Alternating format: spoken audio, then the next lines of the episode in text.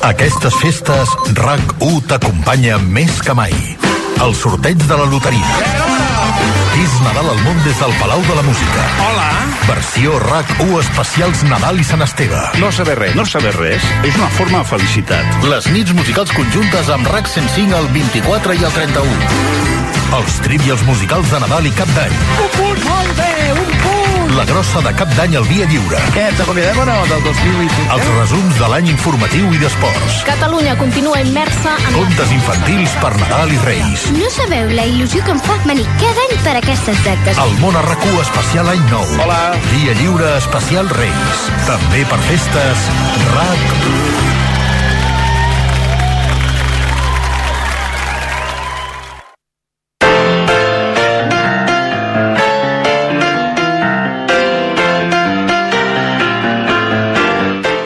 Esteve i avui també, com sempre, a la primera pedra, som molts amb moltes ganes de dir bon dia. La primera pedra, amb Noemí Polls.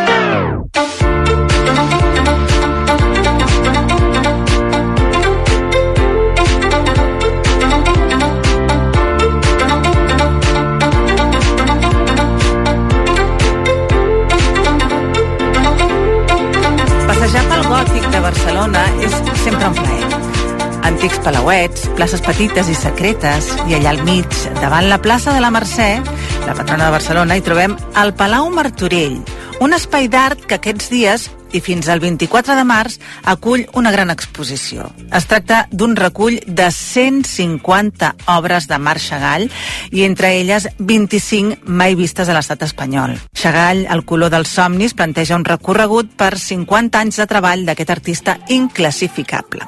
En volem parlar amb la Lola Duran, que és la comissariada d'aquesta exposició. Lola, bon dia, buenos días. Hola, bon dia, buenos días. Uh, en principi, Chagall va ser un gran artista que ens deixa un llegat eh, importantíssim a nivell internacional i a nivell de tots els temps de l'art. Però situa'ns una mica aquesta obra, ¿no? ¿Qué, qué representó Marc Chagall? Bueno, Marc Chagall es uno de los artistas eh, más importantes del siglo XX. Él había nacido en Rusia, pronto se traslada a París como la mayor eh, parte de los artistas eh, europeos de las vanguardias, atraídos eh, porque París es eh, la ciudad eh, donde están las, los grandes lugares para formarse, los importantes museos y además también existen las vías donde poder mostrar sus obras.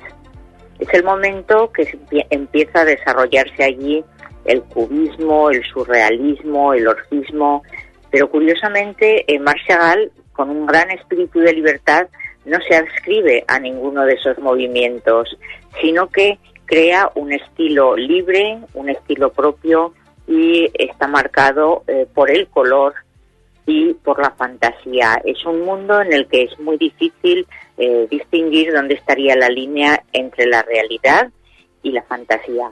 Una exposició que, además, sigue este circuito i en set seccions que marquen els grans temes que van inspirar l'artista. És, a dir, és dir, eh, estem parlant d'orígens, a l'èxode, color, París, faules i amor. Eh, vamos por partes. Orígenes. Eh, ya solo entrar en la exposición hay un cuadro precioso de su pueblo. Exactamente. Bueno, Marshall eh, se eh, nació en, en Vitebsk. Es eh, un pequeño pueblo que ahora pertenecería a Bielorrusia, eh, dentro del gueto judío. Se forma en San Petersburgo y pronto eh, marcha a París. Él retorna, pero muy poquito tiempo, a, a Rusia otra vez y en los años 20 ya tiene que marcharse definitivamente. Y ya a Vitebsk nunca volverá. A pesar de que no regresa, sus orígenes, el tiempo vivido eh, allí con su familia, con sus hermanos, los veranos en Liozno, eh, el campo, la nieve, las tradiciones religiosas que conoce de mano de sus padres y de sus abuelos, todo impregna la cultura rusa, impregna su ser. Y es curioso porque aunque él salió de Rusia, Rusia nunca salió de él. Y en las creaciones a lo largo de toda su vida aparece el recuerdo y la añoranza por eh, su tierra de origen y por esa bella infancia que disfrutó allí. Y este cuadro precisamente eh, es del año 29, está pintado en París muchísimos años después y refleja eh, su ciudad. Lo podemos ver eh, porque eh, es- esas, esas escenas de nieve eh, con los tejados y los suelos cubiertos de nieve los asocia eh, con Vitebsk y también porque en el fondo podemos descubrir las cúpulas eh, de la Catedral de la Asunción eh, de su ciudad natal. Es un, es un cuadro en el que se, se une, como en la obra de Chagall, la realidad y la ficción porque por los cielos va volando un trineo arrastrado por un animal. Es decir, es ese recuerdo, esa fantasía eh, unida a esa realidad, esas añoranzas y esas nostalgias de esos sueños infantiles. Mhm, Un quadre que presideix aquesta exposició que és una delícia, que recomano moltíssim que la gent s'hi acosti i que farà aquest recorregut vital per aquest gran artista que també va estar mm, profundament marcat per la religió. Sí, eh, eh, él decía que desde su primera juventud la Biblia le había cautivado como la mayor fuente de poesía eh, de todos los tiempos y que desde entonces había buscado el reflejo de la Biblia en su vida y también en el arte, en la naturaleza. La Biblia la entendía como una resonancia de la naturaleza y era lo que él quería transmitir él eh, los temas religiosos, aparte que él era judío, fue perseguido eh, precisamente eh, tanto por el antisemitismo que había en, en- el Imperio ruso, donde él nació, como posteriormente cuando estaba en Europa eh, durante la Segunda Guerra Mundial. Eso queda presente en su obra. El tema religioso se refleja en sus creaciones. Él eh, emprende un viaje en los años 30 a, a Palestina, invitado eh, por el alcalde de, de Tel Aviv, recorre eh, los lugares santos, se deja impregnar por esa luz, por esa energía. Él nos cuenta que siempre se había sentido como el judío errante y que es precisamente eh, al visitar esos lugares cuando él encuentra sus raíces eh, encuentra que pertenece a un lugar y por eso sus creaciones sobre la Biblia están llenas de esa energía, eh, de esa luz y de esa especial espiritualidad. En la exposición hay un capítulo también dedicado al éxodo. Él sufre en su vida distintos éxodos y eh, hablábamos hace un momento de eh, la persecución a los judíos durante la Segunda Guerra Mundial.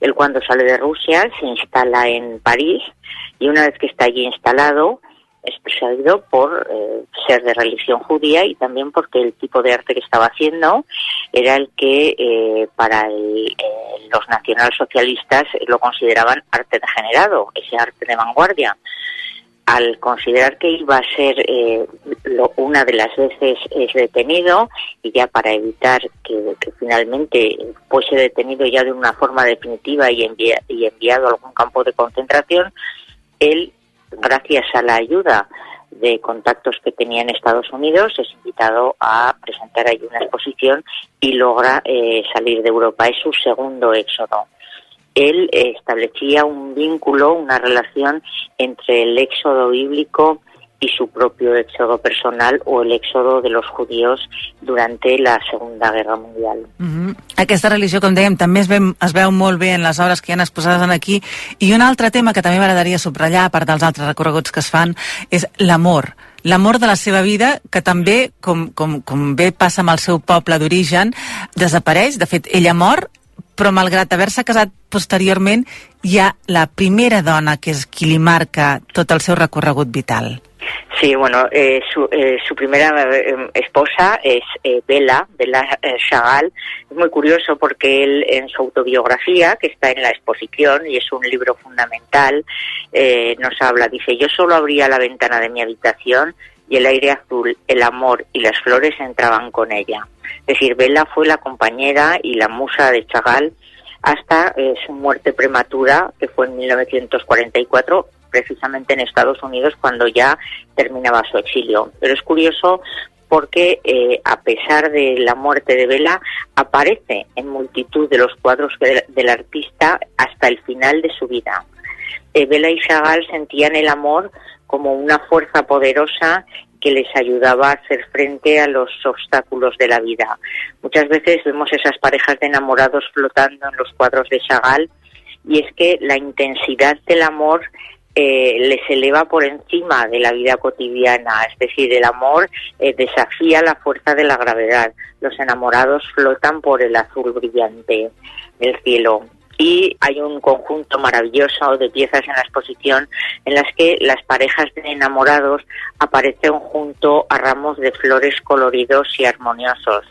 Decir, multitud de flores estallan en color, violetas, rosas, peonías, eh, y siempre acompañadas de una pareja de enamorados. Las flores y los enamorados eh, para Chagall simbolizan eh, el paraíso. Uh -huh.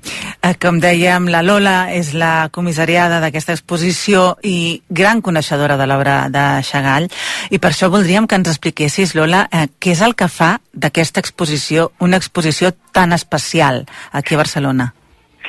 Bueno, es una exposición muy especial porque se ha reunido un conjunto muy completo de la obra de Marshall. Es decir, tenemos que pensar que la primera obra, eh, primero un recorrido en el tiempo. Eh, la primera obra está fechada en el año 1925 y la última a finales de los 80, es decir, que reunimos 60 años eh, de trabajo de la vida de Chagall. También hay numerosos eh, dibujos, eh, lienzos grabados, es decir, que nos podemos eh, acercar a las distintas técnicas que él abordó. Él era un hombre curioso, le gustaba investigar y cada nueva técnica eh, le procuraba nuevas posibilidades plásticas y todas ellas las vamos a poder eh, descubrir en esta exposición. También el acercamiento puede ser a través de los distintos temas que a lo largo de su vida le interesan. Es decir, la obra de Chagall está íntimamente ligada a su biografía y vamos a poder seguir su biografía a través de estos temas.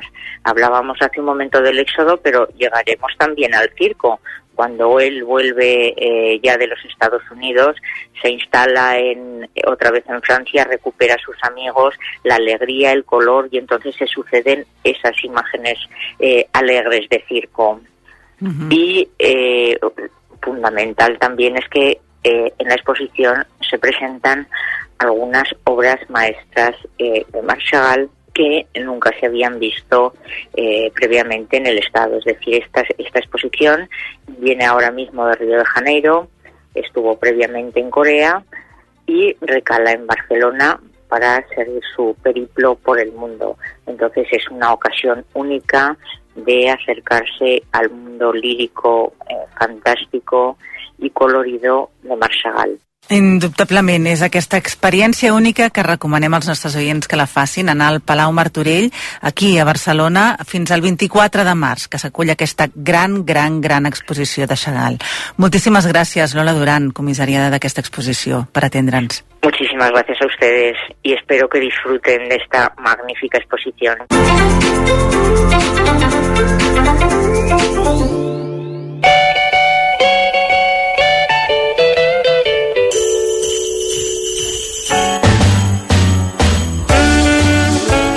Encanta envoltar-nos de llibres, especialment aquestes festes de Nadal, bones lectures, que ens acompanyin en els dies més relaxats, o per afegir, per què no, a la carta als Reis, és evident. I per això vinc molt ben acompanyada avui, perquè tinc a l'Eva Comas Arnal i el Pep Prieto. Benvinguts a tots dos. Hola. Hola. Contents de fer aquest repàs literari, perquè a vegades es perd més temps, a vegades triant i remenant, quasi que llegint, no? És quasi donar més ple aquesta tria primera que no posar-t'hi. sí. És que remenar és part de l'encant, eh? Eh, que sí? Sí, però està molt bé tenir pistes. Sí. Estic d'acord, Jo eh? crec que avui ens, en, ens, us necessitem, Clar, perquè ens però, orienteu una però mica. això que deies tu, de passejar per dintre d'una llibreria, Oh, d'aquelles llibreries acollidores que hi ha a Barcelona o a qualsevol capital de comarca, Que dius, i aquest? Ai, mira, i, i te- aquest? que t'hi quedes I tota la tarda. Sí, però clar, hem de, hem de prendre una decisió, no pot ser. No ser.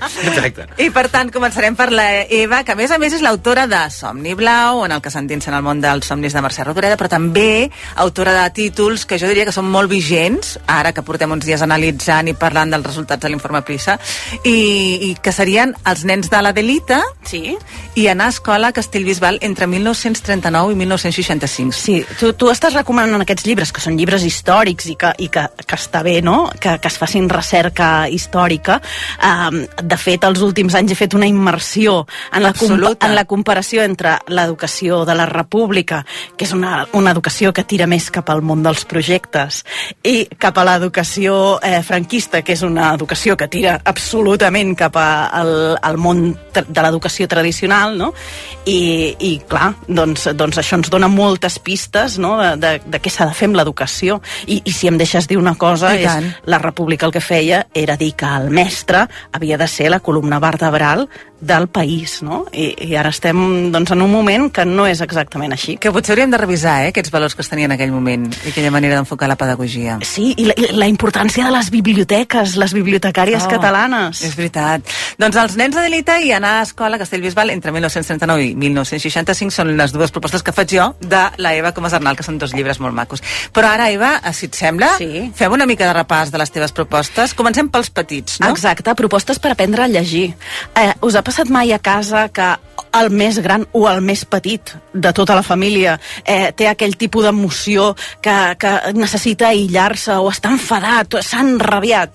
Doncs en aquell moment el millor és fer diluir l'emoció i que les coses passin, no? Però al cap d'uns dies ve de gust llegir aquestes propostes que, que us faig, que són Roy Rondinaire no vol injustícies i Roy Rondinaire no para de remugar.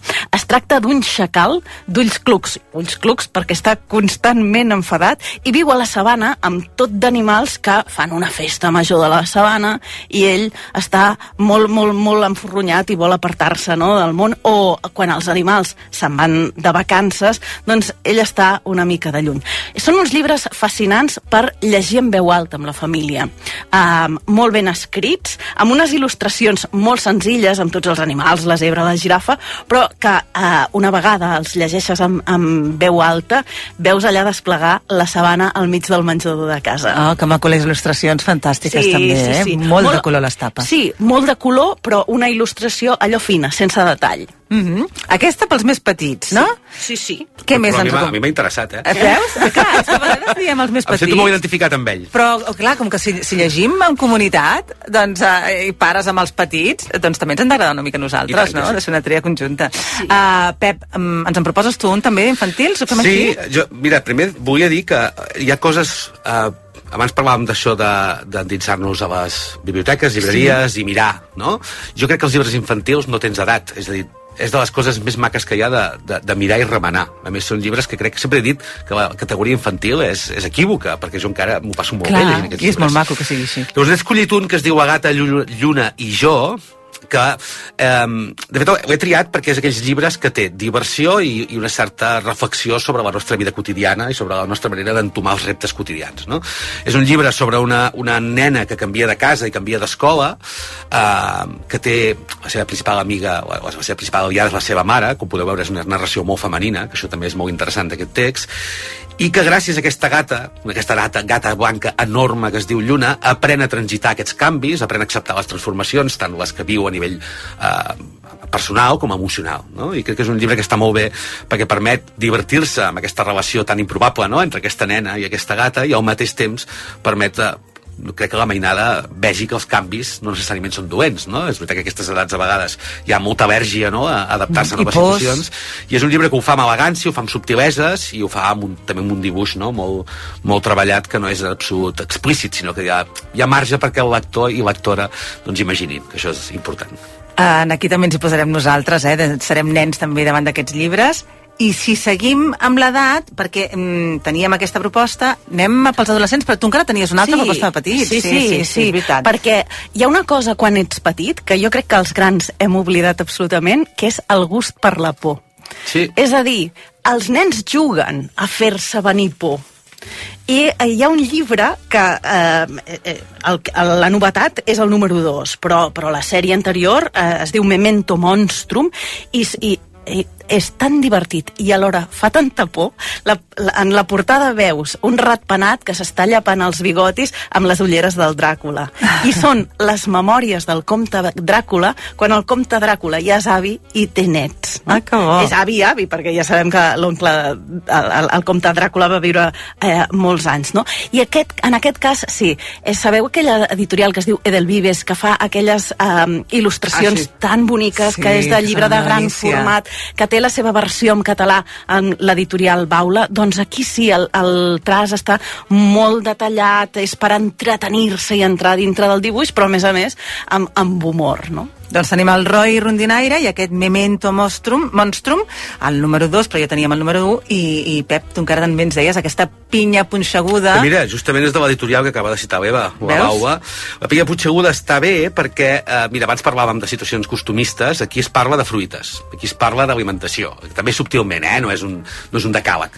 I que està molt bé perquè és, és de Vivim del Cuento i del Sebastià Serra, que són una gent, a més a més, que, que enfoca molt aquests, aquests temes.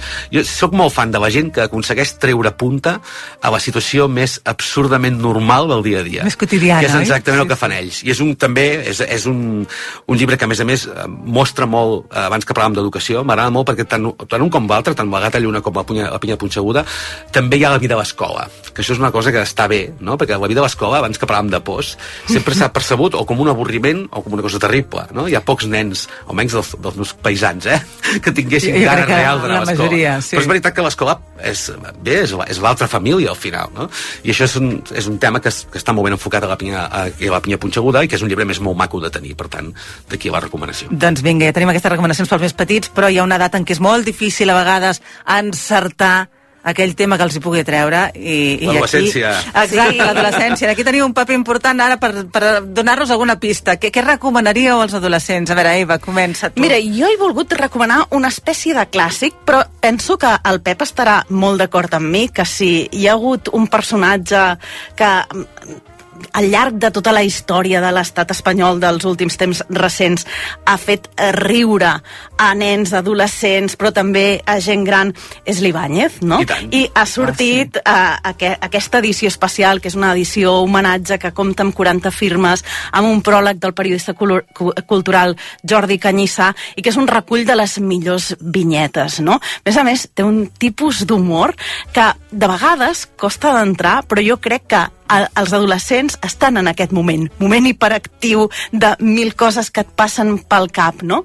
I, i trobo que, que, que per un adolescent veure no, les trastades no? que, que hi ha en el personatge, ara, ara mateix recordo Trece Rue del Percebe, a dalt de tot que hi ha la rateta petitona que li fa les mil males passades al, al gat, no? Doncs eh, hi ha aquesta, aquesta edició especial, Ibáñez, el maestro de la, de la historieta de, de Bruguera. I n'he portat una altra, eh, diguem-ne que eh, Ibáñez és l'humor d'aquí, molt d'aquí, però jo crec que és recomanable llegir-lo en castellà, i llavors he portat una versió que penso que pels adolescents és, és tradicional, eh? però penso que, que, Es pot que enganxar. pot, pot enganxar-los molt, que és un llibre que ha sigut un llibre revelació que es diu Mitologia dels Països Catalans, que ha vengut, ha Però, venut però, però molt, eh? moltíssim. Ho ha patat, ho ha patat. Ho ha patat molt fort. Sí, sí, és sí. molt fort. Una res... eh, em, em, crec que, que, que va molt bé perquè em, en el moment en el que els adolescents estan com fugint del món aquell del conte, la mitologia encara els hi pot interessar, no? I és una altra manera de descobrir el, el seu país, no? Uh, és una recerca que s'ha estat fent des de l'any 90 i ara acaba de sortir. I les il·lustracions, eh, que són, mm, deixa-m'ho deixa mirar, de la, de la Laia Valdei, eh, de l'editorial F2, eh, són aquelles il·lustracions que recreen per mi, el millor il·lustrador que hi ha hagut mai, que és, o, o veuen de la influència, que és Apeles Mestres. I és, i, i és preciós, el llibre. Doncs mira, també el posarem a la llista, una llista que tu també ens proposes. M'ha fet ganes pels de comprar tot el que Ah, diu, sí? Eva. No, sí, ja veuràs, ja veuràs que posarem Em molts sortiré deures. d'aquí i em gastaré tot el que no tinc. Que sí, que sí. Serem molts, ja veuràs. A veure, què ens proposes tu, Doncs mira, jo he seguit una mica el criteri que, que ha dit l'Eva, per, per, perquè l'adolescència és, és, jo crec que és un període on es poden llegir coses específicament dirigides cap a ells, però també coses que segurament els agradaran, Sí. que estan percebudes des del món adult. I he intentat escollir amb aquest, eh, seguint aquest principi. A la part més adolescent, la porta dels tres panys, de la Sònia Fernández Vidal, perquè és una saga de llibres, ja fixeu-vos que és una saga, de fet acaba de sortir una, una mena de pack que hi ha a la trilogia pels primers tres llibres, és uns llibres que primer de tot el que pretenen és ensenyar física quàntica d'una manera comprensible i pedagògica, que això d'entrada ja els hi dona un valor extraordinari. Sí. És a dir, són els llibres que heu de llegir per entendre Interstellar després. I que a més és un tema molt temptador pels, O pels adolescents, que eh? també tela. Sí, és un tema, sí, que fa com por, no? I a Sí, en canvi els agrada. L'altra cosa és que es demostra que es pot fer aquest tipus de novel·la en format saga des de Catalunya i en català amb aquesta, amb, amb, amb igualtat de condicions que el que ens ve de fora, que moltes vegades aquell tòpic no, de les grans sagues nord-americanes o britàniques de novel·la juvenil que després passen a ser sèries o pel·lícules, aquesta trilogia demostra que es pot fer des d'aquí amb el mateix entusiasme, la mateixa passió i amb el mateix coneixement del medi. I l'altre és que la trama enganxa molt, és, és una saga de llibres centrada en el descobriment de multiversos, que ara és un tema molt de moda i que a més a més a l'adolescència la majoria d'ells estan molt avasats gràcies al món del videojoc, al món de Marvel, etc etc. i crec que aquests llibres permeten fer-ho d'una manera molt adaptada a ells eh, i que, a més a més, vaja, insisteixo, us enganxareu. Jo m'he enganxat i tinc 47 Això t'anava a dir, estem parlant d'adolescents, però escolta'm, a, a mi em venen de gust, eh, també. Jo també els I vull. Per, per, per, una mica per fer un fil narratiu, l'altre llibre que recomano és aquesta edició meravellosa de l'editorial Laertes que recupera els contes de Richard Matheson que van ser adaptats per a la sèrie La dimensió desconeguda. Ah, és a dir, boníssim. en Matheson no està escrit en lloc que sigui per adults o per joves o per nens. És, és un senyor universal, és un dels grans clàssics de la literatura fantàstica de tots els temps. I aquests contes van inspirar capítols extraordinaris d'aquesta gran sèrie que va emetre TV3 i que ara està, es pot comprar en DVD, i que eh, aquests contes quan els llegeixes, primer que te'n dones compte d'on venen moltes coses, perquè aquest senyor va inventar, és el, gairebé el pare i la mare de molts dels universos fantàstics que hem llegit després, però és que a més a més hi ha contes que són realment entre divertits, terrorífics, irònics, polítics, ho tenen tot. Aquest senyor eh, tenia un sentit de la metàfora espectacular. I, per exemple, n'hi ha un que, que, que passa en un avió, que és un senyor que veu a través de, de la finestra com una bèstia es menja un motor, que aquest és molt famós, perquè va donar peu a un capítol molt famós de la dimensió desconeguda, que mentre el llegeixes t'adones que no han envellit ni un dia. Llavors, Això és- aquest llibre és curtet, és molt són pocs contes, eh? i per tant crec que és ideal per regalar un adolescent. Deixa'm dir ara, aprofitant que estàs parlant de Marvel, que mm, el Pep Prieto acaba de treure, és que, és que està sortit del forn, clar, clar eh, ho hem de dir, Sí. tot Marvel, que és aquest Sí. repàs per totes les pel·lícules de, de Marvel, Sí, no? som tan humils que l'hem titulat tot Marvel. Allò, una part de Marvel, no, tot. Tot, tot, sí, ben aquest, veus, aquest és un llibre que justament aquest Potser també per exercici de memòria. no? Sí, I per, ja i, per, i, per, I per adults, evidentment, No, però per adolescents funciona... És per una mica per fer-los adonar d'on d'on venim. És a dir, Marvel no és un fenomen d'un dia, és un fenomen que neix als anys 40, que al principi els personatges tenien unes característiques històriques determinades i han anat evolucionant, no?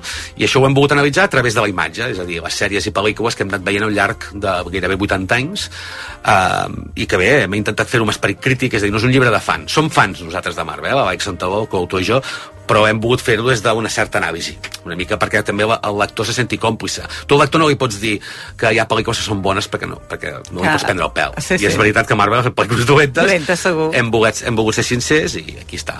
I Doncs- jo puc preguntar quin és el personatge, perquè em sembla que és una mica la mitologia contemporània. Sí. Ah, Sí, ho ah, penso no? això. Sí, sí. Doncs, sí. A, a Pep, jo et voldria preguntar quin és el teu personatge de Marvel preferit. Ui, ara has triar entre, entre en tots els fills. A veure, triar-ne Sí. un... A veure, el meu personatge de Marvel preferit és el Capità Amèrica. Oh, el prim, un dels primers. Sí, sí, perquè és el, dels primers que vaig llegir de petit. Ara, tinc una especial debilitat per Daredevil, també, que Mhm. és un personatge que... O sigui, els lectors de còmics jo crec que hi ha un moment que quan si llegien el, el Daredevil de Frank Miller, que va ser el que va, diguéssim... Frank Miller és un dels autors que va crear el segell d'autor, valgui la redundància, al món del còmic, i quan vaig llegir aquells còmics vaig veure que el còmic era també una altra cosa, era art, no? És el moment que prenc consciència d'això. I per això sempre dic els dos personatges, tot i que el Capità Amèrica també té uns còmics extraordinaris i serveix molt bé per entendre la història americana del, del segle XX. Però a mi són personatges que m'encanten i els dos tenen en comú que sí, un té poders que és el Capità Amèrica, l'altre també, però sorgits de la seva ceguesa, etc. Però els dos tenen vides personals molt conflictives. Jo crec que, que són les coses que m'identifico amb ells, no? Doncs ja teniu aquí tot Marvel, que acaba, acaba de sortir Sí, una miqueta ara. fa- fa tres setmanes, Per sí, sí. tant, serà novetat segur. I seguim amb la línia de recomanacions. Eva, ara Sí. passaríem a Jo- parlar sí, de, de, de, mira, biogra de les sí, biografies, perquè sí, també són perquè- clàssics. Sí, són clàssics i, i, i bueno, també hi ha, hi ha bi- biografies que s'estan escrivint ara, no? Però em sembla que és un bon llibre de regal, perquè de vegades tenim a, a la família o tenim companys que no els hi agraden les novel·les o que els hi costa entrar en el món de la ficció, però segur que tenen aquell personatge eh, preferit, no? Per exemple, amb un músic, jo li regalaria, segur, la biografia de Claude Debussy, eh, publicada per Acantilado. Eh, és, és és una biografia meravellosa, escrita d'una manera fantàstica i on entens molt bé la música de, de Debussy, no? Però també ara eh, s'ha publicat recentment en català la biografia de Stefan Zweig de Maria Antonieta que està tenint un èxit espectacular. Stefan Zweig és a part d'un dels meus escriptors preferits, un biògraf espectacular. I justament acaba de sortir també una biografia molt breu, molt breu de Verlaine, del poeta francès, que és una, un bombonet, vaja. Doncs aquí tenim aquestes dues, uh, Pep. Jo he triat només una, sí. perquè he, tri he, he triat uh, una mica amb el meu criteri de crític de cinema i sèries, que és la biografia del Matthew Perry que es diu Amics, Amants i allò tan terrible, que en català ha editat columna, i ara que hem lamentat molt la seva mort, perquè va morir doncs, molt abans del que, del que hagués estat humanament normal, aquest senyor té aquest llibre on va una mica fer un exercici d'exorcisme d'ell mateix, perquè explica les seves addiccions, explica com va ser el rodatge de la sèrie Friends, explica tot bé, bastant mort clínica, bé, perquè han passat coses abans de la mort, clar, coses terribles. Llavors, també entra molt la seva vida personal, és a dir, té un punt de, de xafarderia al llibre, perquè I a t'assabentes més que ha un tingut relacions amb gent famosa que tu no sabies i diràs, ai, carai, això no ho sabia. Però el millor que té aquest llibre per mi, a banda d'explorar les interioritats de la televisió i el cinema nord-americans de les últimes tres dècades, és que és un, una persona parlant molt de tu a tu al lector. És a dir, és un tio que no pretén ser escriptor, ja es nota per la manera que té d'escriure, vol explicar la seva experiència. I ho fa amb un, amb un humor que és molt seu, que t'està parlant de coses terrorífiques que li han passat a nivell mèdic, per exemple, l'addicció a les drogues l'addicció a l'alcohol. Però és al·lucinant com el paio sempre té aquell toc no? que et fa somriure abans de parlar de la tragèdia. No?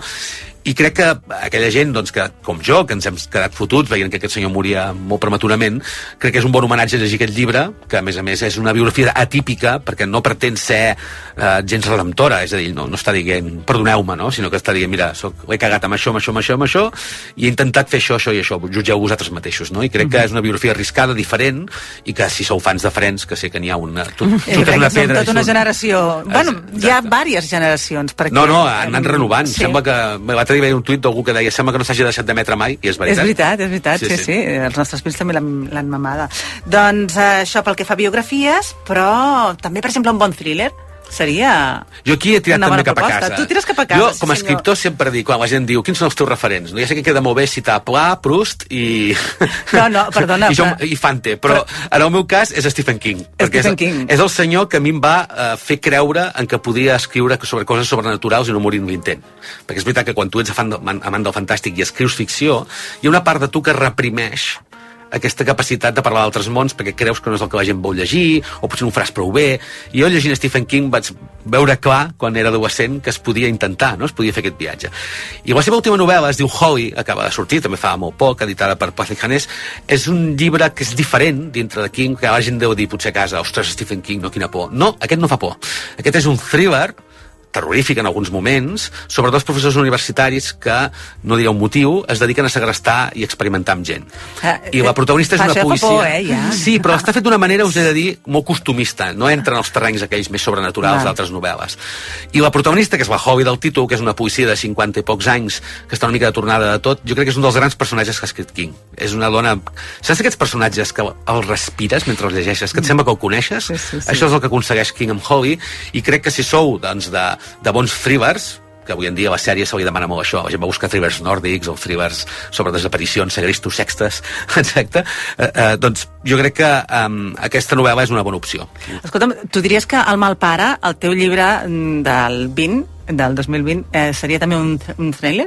És un thriller, també té tocs de terror i sobrenaturals, i és, crec, la meva declaració d'amor més gran a Stephen King que hauré fet en tota la vida. exacte, doncs teniu l'oportunitat també de, Sí, de sí, descobrir-la, que és aquest llibre, El mal pare, de llibres del delicte, eh? Sí. publicat el 2020 del Pep Prieto. Sí, jo ara, de, deixa'm recomanar un llibre de l'Stephen King, perquè clar, ara et sento parlar de Stephen King i tinc moltes Per tu ganes també de... és un gran referent, oi? Sí, el que passa que, o sigui, jo les seves novel·les eh, sempre m'han costat, però hi ha un, un llibre mm, específicament que em va encantar, que es diu Mientras escribo, en castellà, de, de, de, de Bolsillo, i que després l'altre l'ha traduït al català.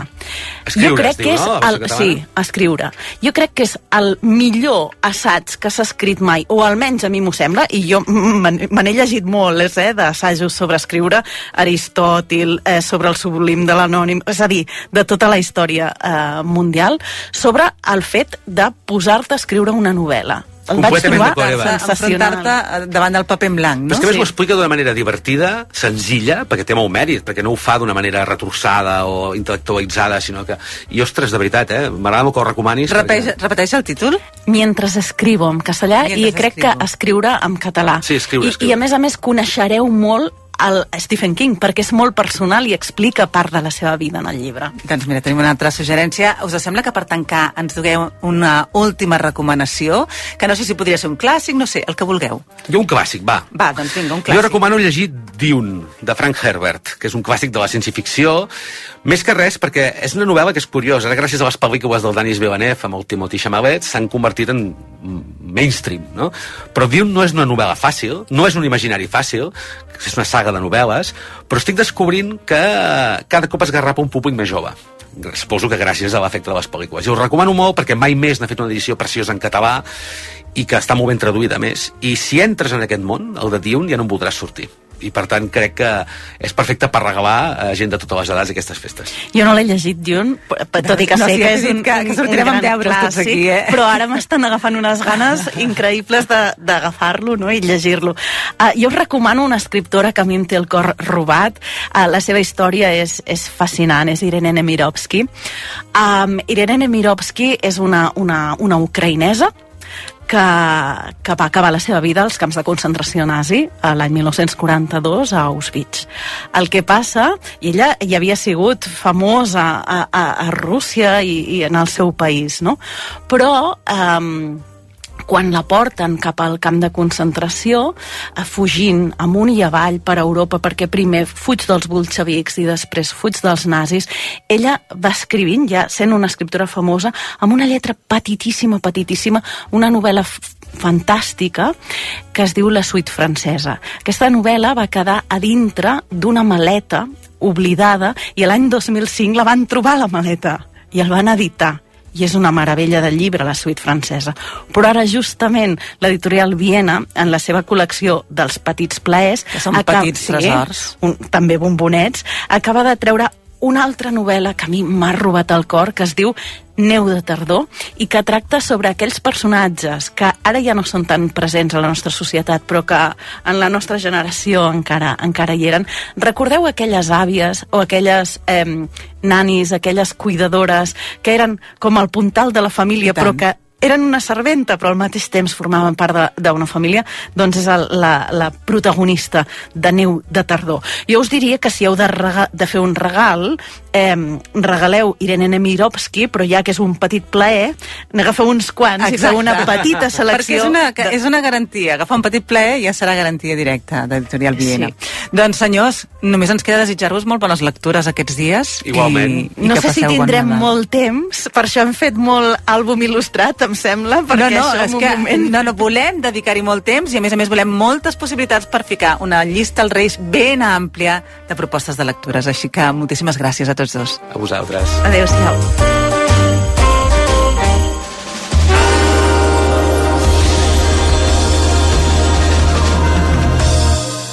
Necessitem persones com tu, que són exigents, que saben com anticipar-se i actuar, que volen ajudar els altres, que no tenen por, que saben donar el millor d'elles mateixes, que s'atreveixen a fer i a ser el que volen. Necessitem bomberes com tu. Nova convocatòria amb el 40% de les places reservades per a bomberes. Per més informació, truca al 012. Generalitat de Catalunya. Sempre endavant. Aquest any m'apuntaré al gimnàs i potser hi aniré tot. I jo perfeccionaré el meu anglès. Però si no en saps... Per això... I jo aprendré a cuinar. Vull dir que aprendré a escalfar el microones als tapes de la mama. El bon propòsit més fàcil de complir és compartir la grossa de cap d'any. El 31 de desembre guanya fins a 200.000 euros i molts premis més. Loteries de Catalunya és la nostra. Jugar amb responsabilitat és guanyar, i només si ets major d'edat. Aquesta temporada, les subscripcions no tornaran a ser el mateix. Amazon Prime et porta Operació Triunfo, així com enviaments ràpids i gratis. Tot per 4,99 euros al mes. M'he de subscriure ara mateix. Entreteniment en directe i lliuraments ràpids de franc, tot per 4,99 euros al mes. A Prime, amb restriccions geogràfiques. Consulta amazon.es barra Prime Terms. Lo tiene el guiri y el granjero, la influencer y el abuelo, el que cocina el capón y el que compra el cotillón. Es un extra de ilusión. I tu? Ja tens el cupó de l'extra de Nadal de l'11? No te'n quedis sense. El primer de gener, cupó extra de Nadal de l'11, amb 80 premis de 400.000 euros. Tots tenim un extra d'il·lusió. A tots els que jugueu a l'11, ben jugat. Juga responsablement i només si ets major d'edat. Nadal és temps de bons propòsits i d'alegria. A Onda Automòbils volem que les vostres il·lusions es facin realitat. Onda Automòbils. Bones festes. Vols prevenir que les teves factures vinguin impagades? Per a Pimes, Pay Pimes. Vols recuperar els teus deutes? Per a Pimes, Pay Pimes. Recorda, per a Pimes, Pay Pimes. Truca al 93 737 62 80.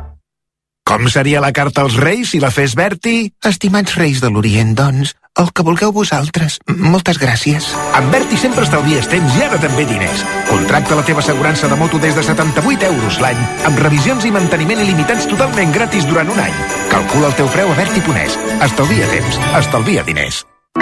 Aquest Nadal, celebra-la amb els nous galets de Neto Natural. Galets d'alta qualitat elaborats amb aigua del Pirineu i sèmola de blat dur. La millor opció per acompanyar el caldo de Nadal a Neto. RAC més 1.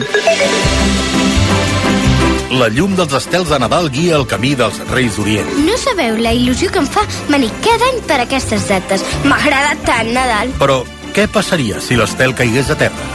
Els protagonistes dels contes clàssics, la caputxeta, la rateta o els porquets, el podrien ajudar a tornar al cel? Ai, hem de fer alguna cosa, o si no l'Estel no podrà seguir el seu camí. Descobreix a RAC més 1 l'Estel de Nadal al País dels Contes.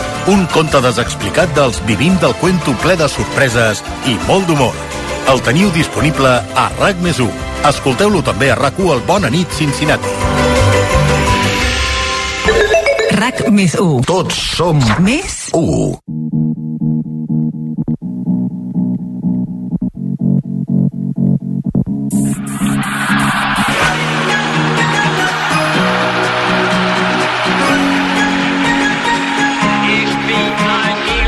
Si parlem de moda, d'estil, tots, sense ser-ne massa conscients, en tenim un. Però eh, avui ens preguntem, existeix un estilisme català? És a dir, com ens vestim els catalans? Ens arreglem prou? Per parlar-ne, contem avui amb la Clara Navarro, que ella és professora de l'Escola Illa d'Art i Disseny de Sabadell i és especialista en disseny de tricot i filatura, disseny de col·leccions i estudi de tendències. Molt bon dia, Clara. Molt bon dia. Uh, jo crec que la primera pregunta és, realment hi ha un estil pròpiament català? Doncs, a veure, mira, jo crec que no hi ha un estil molt definit, però sí que tenim eh, doncs, forces coses en comú, no? D'entrada diria que en general hi ha poca aposta cromàtica. En general vestim amb, amb tonalitats fosques, som més sobris vestint. I també podria dir que som poc atrevits. Poc atrevits, eh? Mica, sí, poc atrevits. Penso que sí. També eh, ho poso una mica en comparativa amb altres països, és a dir, si pensem en països nòrdics o Anglaterra o Itàlia, no? Allà hi ha una aposta molt més sorprenent, poden barrejar estampats, eh, colors molt més vius, barreges de textures, quadres, ratlles, estampats, fins i tot eh, una aposta més sorprenent en quant a accessoris, no? Potser és, és conegut que pel clima, no?, al final pot influir, eh, és a dir, eh, al final coneixem que tenen un clima, doncs, potser més gris, en general hi surt poc el sol, i potser per aquest motiu busquen com que al final la vestimenta sigui més divertida, més alegre. Amb més colors, també. Exacte, exacte. I és diferent homes i dones? Perquè ara estàs parlant de que som més aviat sobris, però tant els homes com les dones, i a fora igual. Mira, diria que aquí els homes som encara menys atrevits. O sigui, les dones poc, però els homes menys. Exacte, els homes són poc atrevits, sí, sí, sí, s'arrisquen poc. Com diries que ens vestim, en general, els catalans? Mira, eh, jo crec que també és important tenir en compte la geografia, és a dir, allà on vius, al final, si estàs a prop de la ciutat o vius a la ciutat com és Barcelona, pot variar, és a dir, a les grans ciutats al final tens molta més doncs, oferta cultural, botigues de moda, més alternatives, pots trobar més diversitat, i penso que sí que es veu més atreviment, no? Però també crec que és important fer menció que al final estem en un, en un país, i Catalunya també, evidentment, on, on hem tingut grans empreses i tenim de fast fashion, no? que han marcat molt el, el, el nostre estil de vestir. No? O sigui, per una banda pensem que es va democratitzar la moda, és a dir, que va arribar a tots els públics, però en conseqüència segurament anem vestits de manera més unificada. No? també, eh, si tenim en compte les xarxes socials, penso que també està canviant el paradigma de la moda, no? És a dir, amb les xarxes socials tenim més accés a, a més informació i interès doncs, doncs per l'estil, uh, cap a marques més emergents i alternatives, no? que, que si ho comparem amb anys enrere potser era més complicat. Uh -huh. Som descuidats o creus que, que tendim a, a mirar-nos-hi molt? És a dir, la imatge per nosaltres és molt important. Mm, aviam, crec que es prioritza, i parlo en general, es prioritza més la comoditat vers l'estil. I per tant, clar, no, no, no, és el que dic, no? no? No hi ha aquesta aposta més atrevida cap a l'estil ni cap a la imatge. Això crec que està canviant i, i també és veritat que, que anys enrere, si pensem, l'estil moltes vegades anava en relació a la classe social, no? I, I això és important tenir en compte perquè altres països no ha sigut així, és a dir, amb pocs recursos pots trobar peces molt interessants de roba i al final l'estil també va condicionat amb, amb la teva personalitat, amb com ho portis, amb la teva actitud i caràcter. Sí. Uh -huh. I que, creus que podem millorar? És a dir, això po- podem fer nosaltres una opció? És a dir, militar per, per marcar encara més un estil propi. Com ho podem fer per millorar una mica la imatge? Mira, jo crec que d'entrada és tenir interès eh, per al món de la imatge i l'estil i, i, per tant, fer recerca, és a dir, és el que dic, amb les xarxes socials pots accedir doncs, a, a persones influents no? que t'expliquin doncs, com combinar les peces.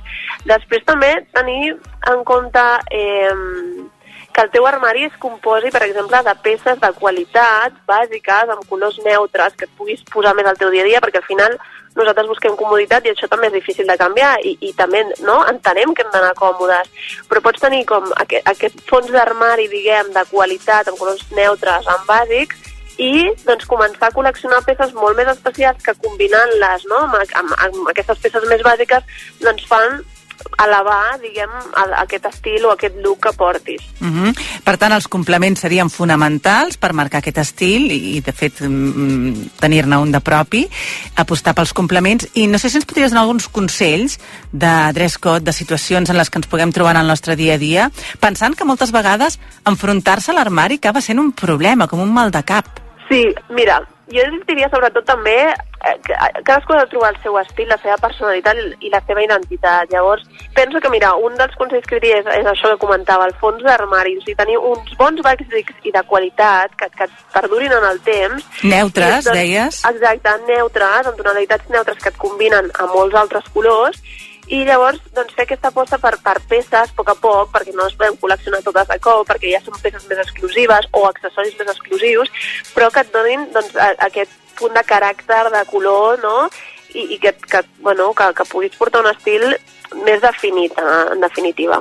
Uh, estaries d'acord que no és una qüestió de pressupost, sinó també de prioritats, per exemple, de destinar un pressupost potser més a l'am una sola peça i no tenir-ne tantes? Seria aquesta una mica la línia? Completament d'acord, sí, sí, és aquesta la línia.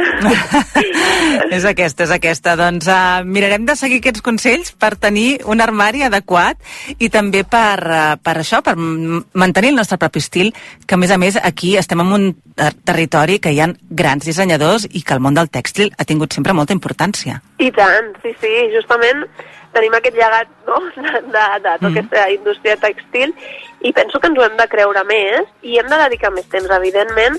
Per això també crec que la recerca és també important, és a dir, doncs, mm, des de les xarxes socials, a comprar-te revistes, avui dia hi ha unes revistes que són com llibres eh, meravelloses on, on pots trobar moltes idees, evidentment, però has de dedicar temps i, i pensar bé no? en, en com vestir, però no és difícil, però, bueno, penso que això, que s'ha de dedicar el temps necessari, no? Un estil marcarà també una personalitat i moltes vegades és la targeta de visita de... que oferim quan coneixem algú, no? Exacte. Doncs moltíssimes gràcies, Clara Navarro. Com dèiem, ella és professora d'Illa d'Art i Disseny de Sabadell i especialista en disseny de tricot i filatura, disseny de col·leccions i estudi de tendències. Gràcies, Clara. Moltíssimes gràcies a vosaltres, un plaer.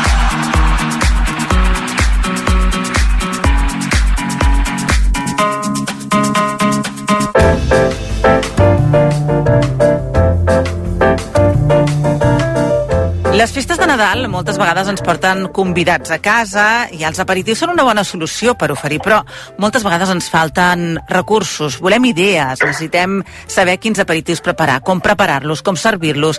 Per parlar-ne avui contem amb la Cristina Cosí, que ella és professora de l'Escola d'Hostaleria de Barcelona. Molt bon dia, Cristina. Molt bon dia. I és clar, bon dia. necessitem la mà d'un professional perquè és que eh, volem coses senzilles que no ens compliquin la vida, per tant que puguem estar pendents de la gent quan arribin a casa i poder xerrar amb ells, però un bon aperitiu ja seria gairebé, podria ser un dinar o un sopar. Podria ser, exacte. És molt important aquests dies que tenim la sort de tenir convidats a casa, poder estar per ells. A partir d'aquí, tot, el que, tot el que puguem tenir preparat i que pugui ser eh, de musebuix, no? que es pugui agafar amb les mans, pugui ser fàcil amb un petit mos per poder continuar amb conversa i poder estar amb els nostres, jo crec que eh, és important tenir-ho tenir com, a, com a prioritari. No? Sí, i a més a més que a vegades agrada més jugar amb el, amb el tema aperitius, que de fet podrien ser tant aperitius freds com calents. Els més típics serien les patates i les olives, que serien els freds i que sempre acaben a moltes taules, però potser ja està una mica passat de moda també, no, això? Home, jo, jo crec que sí que és veritat que això és de recurs, però nosaltres tenim eh, petits aperitius que formen part del nostre, del, del nostre punt de reaprofitament i saber jugar amb les armes no? que tenim avui en dia de d'evitar tenir eh, del malbaratament i tenim aquestes fantàstiques croquetes que podem mm. fer servir, podem aprofitant tots aquests menjars que tenim del menú de Nadal que sempre ens deixen uh, un, un residual, no? que dius, ostres, què faig amb tot això? Doncs poder fer unes croquetes fantàstiques de carn d'olla, jo crec que això Boníssim. és un recurs fantàstic. Ja se'n fa la boca aigua, sí, totalment. les croquetes, és veritat, er, i fins i tot reinventar-les, perquè les croquetes donen molt de joc. Home, les croquetes, i a més, és una cosa que si estan ben fetes, si el rebossat, el rebossat està eh, ben fet i té aquest punt que es fan meloses i que es desfan a boca, i sobretot la recepta del menú de Nadal, tothom avui en dia amb aquest eh, escudella de cardolla fem eh, la, la gran festa mare. A partir d'aquí jo crec que a part, és, una, és un bon terme a tenir en compte. Però bueno, també hem de tenir part de fred, eh? no, no només ha de ser aperitius calents. Exacte. Llavors, mm, els canapés, per exemple, tornen ara. Abans havia estat una època en què hi havia moltíssim canapé i, i era una, un plat que acompanyava tots els aperitius.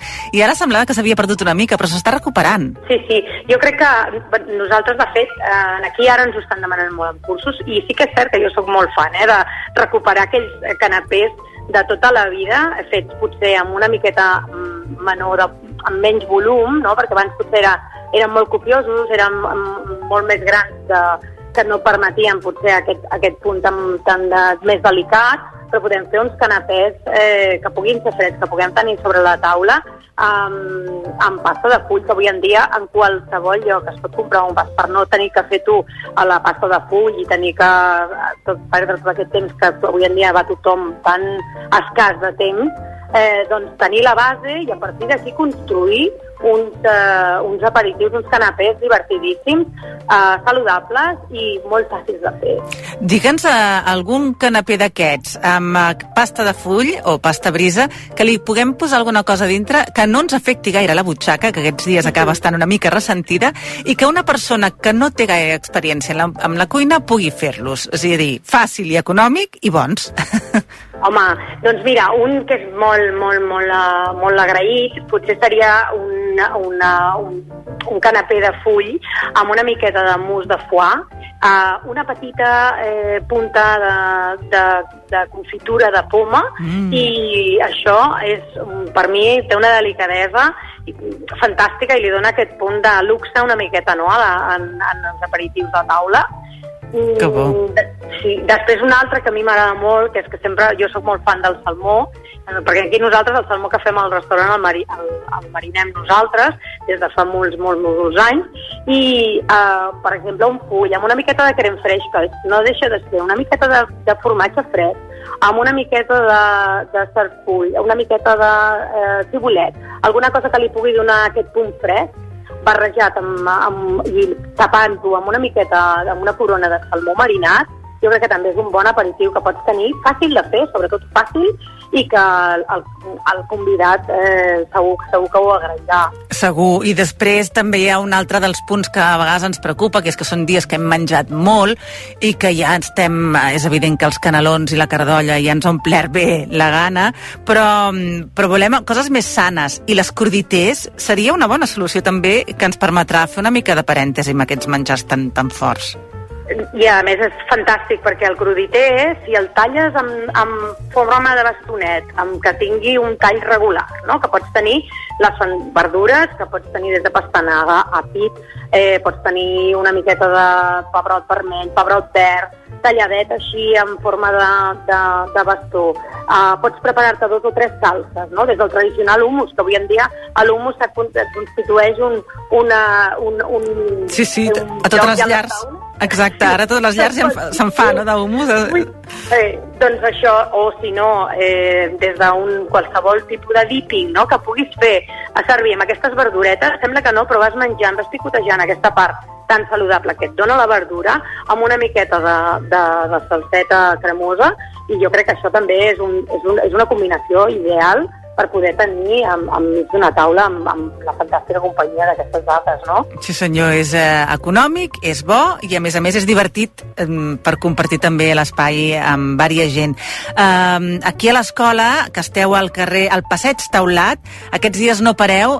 Si hi ha gent que té ganes de, de saber quins cursos feu, eh, proposa'ns una mica alguna manera d'aprendre coses en aquí a la vostra escola. Molt bé, doncs mira, eh, fins fa res, a que ara ja l'hem acabat, estàvem fent un curs, un minicurs, no? fem petits cursos i cursos més llargs, en funció una miqueta de, de la tipologia d'edat i, de la, i de la necessitat. Aleshores, eh, nosaltres tenim, evidentment, els graus, no? que ja estan estudiant durant 3 anys eh, tot el que és l'especialitat eh, tant cuina, pastisseria com servei, però sí que és veritat que hi ha aquests petits cursos, que és, ara n'hem fet un que era el cuina de Nadal, no? Des de, per poder fer un àpat de Nadal des del principi fins al final i poder lluir de, de ser un bon xef i que no falti res a, amb la qualitat de, de la taula uh, fins cursos de, que en diem del sweet chef o del home chef, que són petits, petites fórmules de receptari per quan tu tens aquells convidats no? que dius, ostres, doncs mira, avui vull sorprendre'ls i poder tenir un, una mena de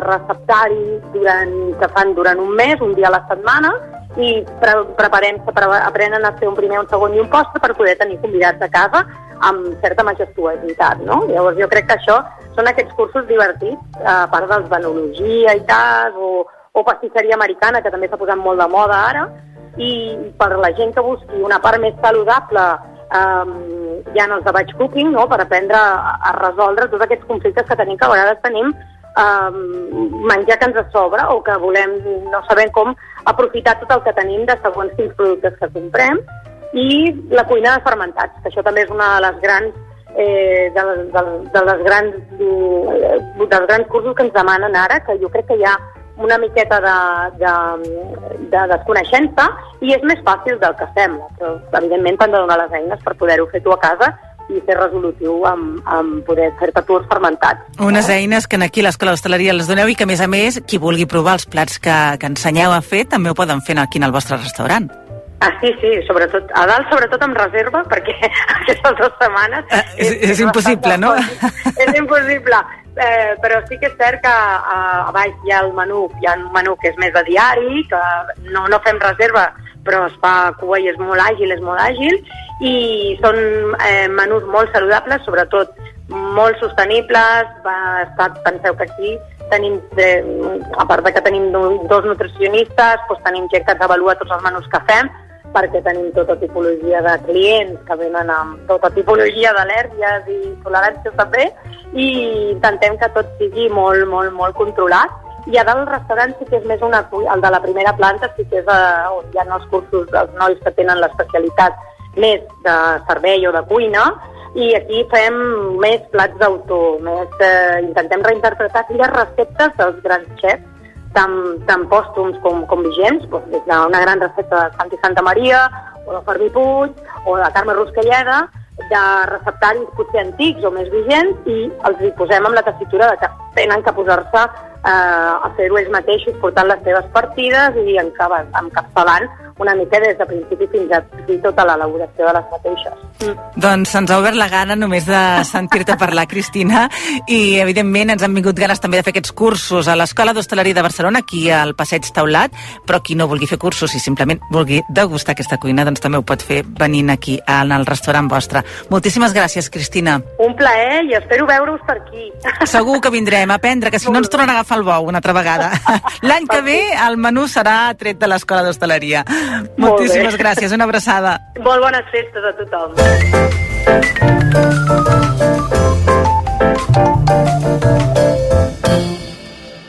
Si voleu desconnectar de la ciutat i endinsar-vos a la natura i tenir, de fet, la sensació d'estar a mitja ascensió d'una de les muntanyes més complicades per escalar, però esteu atrapats a Barcelona, escolta'm, entreu al Teatre Borràs. El Fitzroy és una muntanya que pren el nom del capità del Beagle, el vaixell amb el que Darwin va fer la seva famosa expedició. És una paret preciosa que s'aixeca vertical enmig de la cordillera andina. Els meus pares eren escaladors i a casa meva sempre hi ha hagut una fotografia del Fitzroy penjada a la paret de